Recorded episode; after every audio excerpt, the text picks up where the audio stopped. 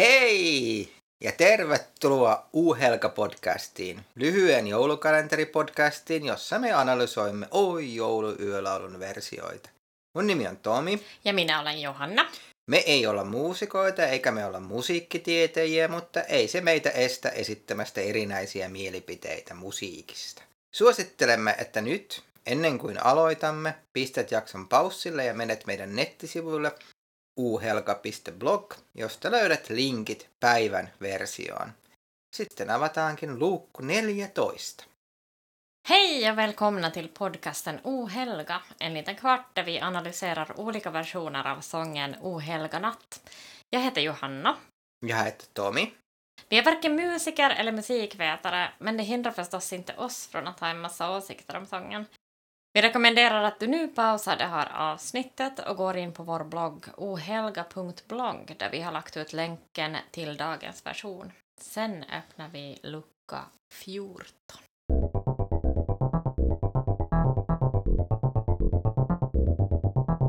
Tämä oli siis kanadalaisen tai Kanadan ranskalaisen megatähden Celine Dionin versio Oh Holy Nightista. Dion siis näki lapsena Michael Jacksonin televisiossa ja tämän jälkeen päätti itsekin pyrkiä tähdeksi. Ja aika hyvin onnistuikin, kun on eni, yksi maailman eniten myydympiä naisartisteja ja viiden Grammin voittaja muun muassa. Ajattelen, että ennen kuin mennään arvioimaan Celine Dionin versioita, voitaisiin hieman avata laulun englanninkielisen tekstin syntyhistoriaa, joka juortaa, ju, juontaa juurensa aina vuoteen 1855, eli vain vajaa vuosikymmen laulun alkuperäisversion kirjoittamisen jälkeen. Englanninkielinen versio on siitä myös mielenkiintoinen, että ruotsinkielinen versio on käännetty sekä ranskankielisen että englanninkielisen versioiden pohjalta. Ja englanninkielisen version tekijänä oli amerikkalainen pappi ja musiikkitoimittaja John Sullivan Dwight, joka siis kirjoitti ja osittain käänsi sanat englanniksi.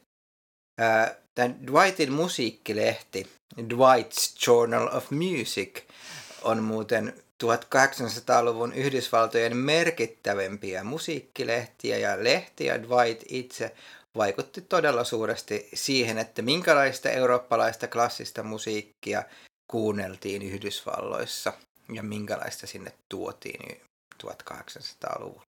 Mm, intressant. Kyllä. No, jos me hypätään sitten Dionin versioon, mitäs mieltä olit Johanna? Det första jag har skrivit här så är då Céline Dion, kvinnan med panflöjtsrösten.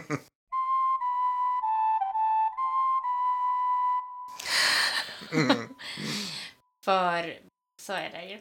Det här, uh, jag lovade förra gången i, när, när vi avslutade den här podcasten att det skulle bli med en ohelga natt med Michael Jackson-influencer. Det blev det ju inte. Där, där mm. lurades jag.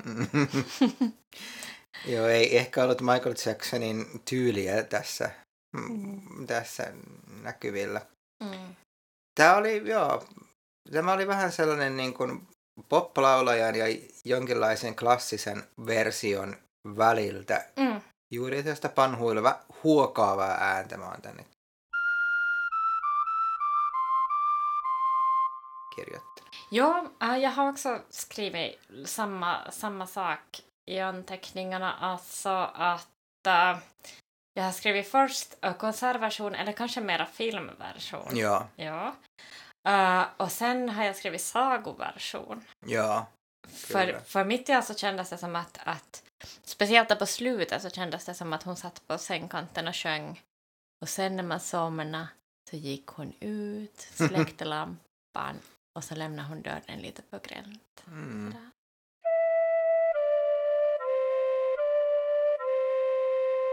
Ja, kyllä. Vähän sama mä pistin tähän, että jos Arja Sajomaa vähän niin kuin laulo, tätä laulua niin kuin poliittisena laululla tosi voimakkaasti ja teatraalisesti, niin tämä oli tällainen niin kuin tosi eteerinen mm. joku keijukaisversio. Sitten siinä on sen pieni annos sellaista amerikkalaista poikabändiulvontaa tai muuta Joo. sellaista taustalla. Joo. Mm. Joo. Men ja, och jag tyckte den var ganska långsam också. Jag vet inte hur lång den är. Tämä oli just meinasin sanoa, että yksi pisimpiä, viisi ja puoli minuuttia. Okej, ja det kändes så. Mm, kyllä. Se, joo. Sitten tällainen, niin kuin, jos laulua yleisesti vielä miettii, niin muutaman kerran jo ennen sitten kohta palataan ja mennään tähän Tuuneniin, mutta että sitä ennenkin hän vaihtoi sitten ranskaksi, mikä on aika usein näissä englanninkielisissä laulu, la, versioissa, että se viimeisiä tai niitä Holy Nightteja väännetään Noeliksi. Mm. Ja tota, musta se on jotenkin hassua, varsinkin tässä, koska se ainoastaan, ainut ranskankielinen sana oli se Noel. Ja kun Noel on kuitenkin englannin kielessä pojan nimi, niin sitten tulee niin kuin ihan outo fiilis, että yhtäkkiä lauletaan, mm. että Noel, niin kuin, että joku tekee, Noel tekee siellä jotain tuhmuuksia, että nyt lopeta. Se, vähän, se ei, ei istu mulle, se on vähän niin kuin outo. Mm. Ja, jag har inte tänkt på det faktiskt, men det stämmer ju som du säger. Tonen. Sitten hypätäänkin sen tärkeimmän puolella, eli miten meni viimeinen jouluyön laulaminen, se missä pitää hypätä sinne korkealle. Tonen. Tonen. Ja,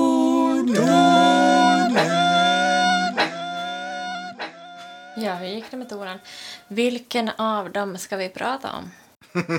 se on hyvä kysymys. Men var det inte så att hon tog den två gånger? Eller försökte ta den två gånger? Niin ainakin kaksi, mutta en mä tiedä, yrittikö hän kertaakaan. No, nej, men, men liksom, mm. det, var som... Uh, det var först var det trippelsakov som blev till en dubbelsakov och sen var det en till som också blev en dubbelsakov. Joo.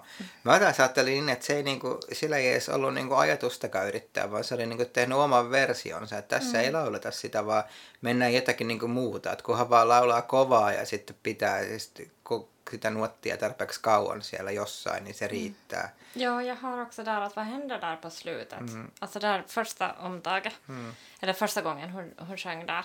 Mm. Så, så där blev det någon sån här mm. konstig glidningsgrej. Mm. Så? Joo, joo. Siinä oli joku pieni, mutta ei, mä, en, must, mä en tuntenut, että se olisi edes yrittänyt mennä sinne. Että se jotenkin, se oli jotenkin sellainen, että nyt tämä meni pieleen, amputaan kaikki ilotuletusraketit ja kaikki muut jutut siihen loppuun, että tulisi niin kuin juhlava olo ja sitten korkeasti nyt soittakaa lujempaa. Oliko mm. meillä kuoro jossain vielä, missä mm. oli kaikki muutkin. Että se oli vähän, mm. Hän kirjoittanut, että en osta, en hyväksy. Ja, men vad blir ditt betyg då? No kyllä tämä jää sinne aika heikoksi. Kyllähän hän osaa laulaa ja juhlava laulu sinällään. Mm, kuusi miinus. Oh. Ei oh. tämä ihan huon, yhtä huono ollut kuin Backstreet Boys, mutta mm-hmm. ei tämä mun suosikeiksi pääse mitenkään. Nej. No, eftersom Backstreet Boys fick en sexa av mig så ger jag då Celine en sjua. Okei. Okay. Ja. No niin, no, tätä, tätä mieltä me oltiin nyt tällä kertaa Celine Dionin versiosta. Jos olet aivan eri mieltä tai aivan samaa mieltä tai jotain sieltä väliltä, jätä kommenttia meidän nettisivuille uhelka.blog. Kaikki kuuntelemamme kappaleet löytyy soittolistana sekä Apple Musicista että Spotifysta ja linkki niihin löytyy myös sieltä meidän nettisivuilta. Ja huomiseen jollain kuuntelemme version, joka varmasti jää mieleen niin hyvässä kuin pahassa. Ja, det här tyckte vi om Celine Dions version. Uh, du får gärna kommentera vad du tycker på vår blogg ohelga.blogg. Alla versioner av Ohelga natt som vi lyssnar på här kommer att finnas eh, sammansatta till en spellista på Apple Music och Spotify och länken till den hittar du redan nu på ohelga.blogg. Vi hörs imorgon då det blir en riktigt minnesvärd version. Hej då! Hej, hej!